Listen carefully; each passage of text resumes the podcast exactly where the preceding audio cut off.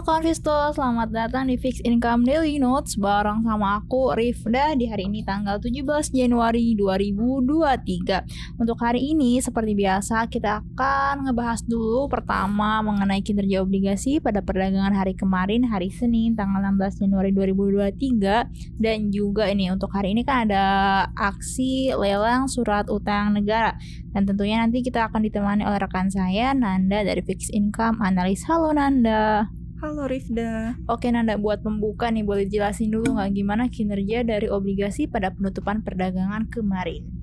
Oke, pada penutupan perdagangan kemarin, kinerja dari indeks total return obligasi Indonesia kita mengalami pelemahan sekitar 0,10% dan ada di level 348,69. Dan untuk volumenya sendiri terlihat menurun dari obligasi pemerintah tercatat sebesar 9,6 triliun, sedangkan untuk korporasi tercatat sebesar 833 miliar seperti itu. Oke, jadi pas kemarin nggak hanya kinerjanya ya mengalami penurunan volumenya juga mengalami penurunan. Tapi kalau untuk yang seri benchmarknya sendiri gimana nih? Mengalami penurunan juga atau gimana? Oke, untuk seri benchmark semua rata-rata mengalami kenaikan yield dari FR95 dengan tenor 5 tahun, yieldnya ada di 6,44%, sedangkan untuk yang FR96 dengan tenor 10 tahun ada di 6,73%, sedangkan tenor yang paling panjang ada uh, di 20 tahun FR97-nya yieldnya sekarang ada di 6,81 persen.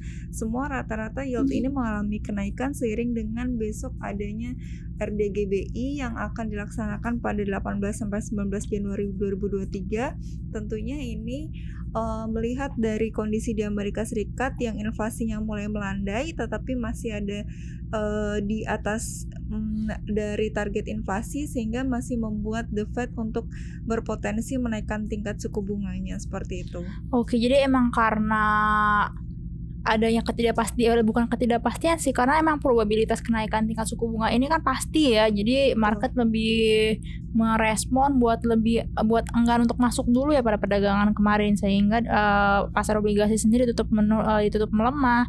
Dan juga untuk yang seri benchmarknya sendiri ditutup melemah juga ditandai dengan kenaikan yield sendiri Oke Nanda, kan besok ada RDGB ini, sedangkan hari ini sendiri diumumkan akan ada akan dilaksanakan lelang kan ya, Betul. di mana targetnya sendiri sampai 23 triliun rupiah dengan obligasi FR yang akan dilelangkan untuk periode ini yaitu ada FR96, FR98, FR95, FR89, FR97 dan juga uh, SPN 03 03230419 dan juga SPN 122400104. Kira-kira nih karena adanya sentimen akan ada RDGB besok target 23 triliun yang ditetapkan oleh pemerintah ini bakal tercapai nggak? Oke, untuk uh, lelang sendiri memang target indikatifnya ada di 23 triliun sedangkan target maksimalnya ada di 34,5 triliun.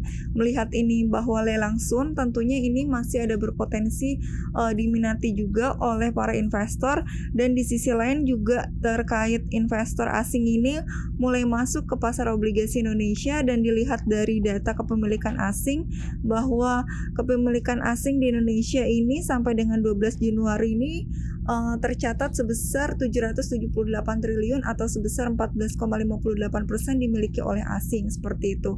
Jadi melihat investor asing mulai masuk ke obligasi Indonesia berpotensi untuk meningkatkan jumlah lelang seperti itu.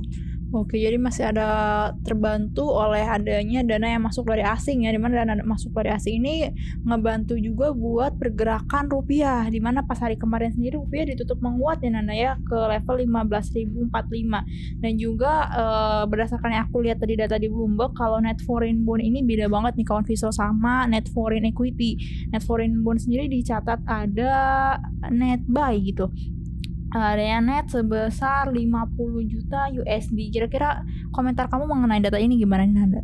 Oke, untuk uh, melihat data kepemilikan asing cukup meningkat uh, di Indonesia terkait juga karena di Indonesia sendiri uh, indikatornya cukup baik. Dilihat kemarin rilis data utang luar negeri Indonesia di November ini tercatat sebesar 392,6 miliar dolar Amerika Serikat.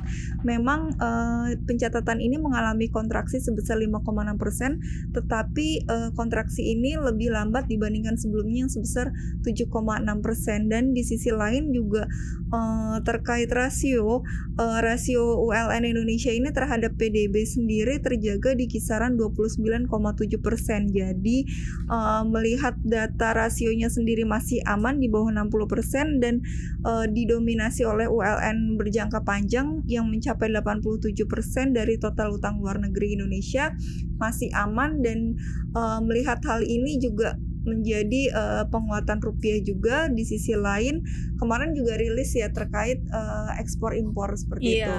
Jadi memang dari banyak sentimen yang ada di hari-hari belakangan ini di mana adanya meningkatnya ekspor Indonesia yang tentunya itu akan meningkatkan cadangan dari devisa Nah itu untuk untuk meningkatnya ekspor ini didominasi oleh non migas nih Nanda di mana contohnya ada komoditas kan seperti CPO, nikel dan lain sebagainya. Ditambah lagi ada isu mengenai perubahan peraturan DHE. Di mana oh, uh, untuk kan sebelumnya hanya ada sektor agriculture dan sekarang nanti akan diubah rencananya belum pasti ya untuk sektor-sektor yang lain yang mengekspor agar cadangan devisa di Indonesia meningkat dan tentunya itu akan memberikan dampak positif bagi rupiah kita ya Nanda ya. Betul sekali. Kemarin uh, masih di komoditas dan sekarang mulai ke manufaktur ya direncanakan seperti itu ya.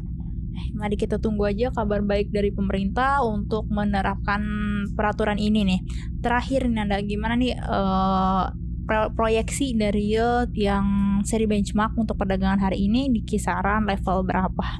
Oke, untuk uh, terkait kondisi market hari ini diperkirakan memang uh, cenderung menguat terbatas uh, di satu sisi karena adanya lelang dan di satu sisi adanya uh, potensi BI besok akan menaikkan tingkat suku bunga acuannya sebesar 25 basis menjadi tadinya sebelumnya ada di 5,50% dan akan menjadi 5,75% seperti itu dengan indikasi yield yang akan ada lelang hari ini FR95 ada di 6,48 sampai 6,41 sedangkan untuk FR96 ada di 6,75 sampai 6,72 dan FR98 ada di 6,78 sampai 6,74 sedangkan FR97 ada di 6,85 sampai 6,80 dan FR89 ada di 7,20 sampai 7,16 seperti itu. Oke Nanda, terima kasih ya penjelasannya. Semoga tadi yang udah Nanda sampaikan bisa manfaat buat kawan Visto semua yang mau masuk ke obligasi dan agar lebih tahu juga tentang uh, sentimen-sentimen khususnya sentimen makro yang ada di ekonomi Indonesia dan juga global. Oke kawan Visto, untuk podcast Fixed Income Daily Notes hari ini kita sudahi di sini. Buat kalian yang pengen tahu lebih banyak tentang investasi saham, obligasi ataupun reksadana, kalian bisa kunjungi website kita di investasiku.id. Investasiku for better tomorrow.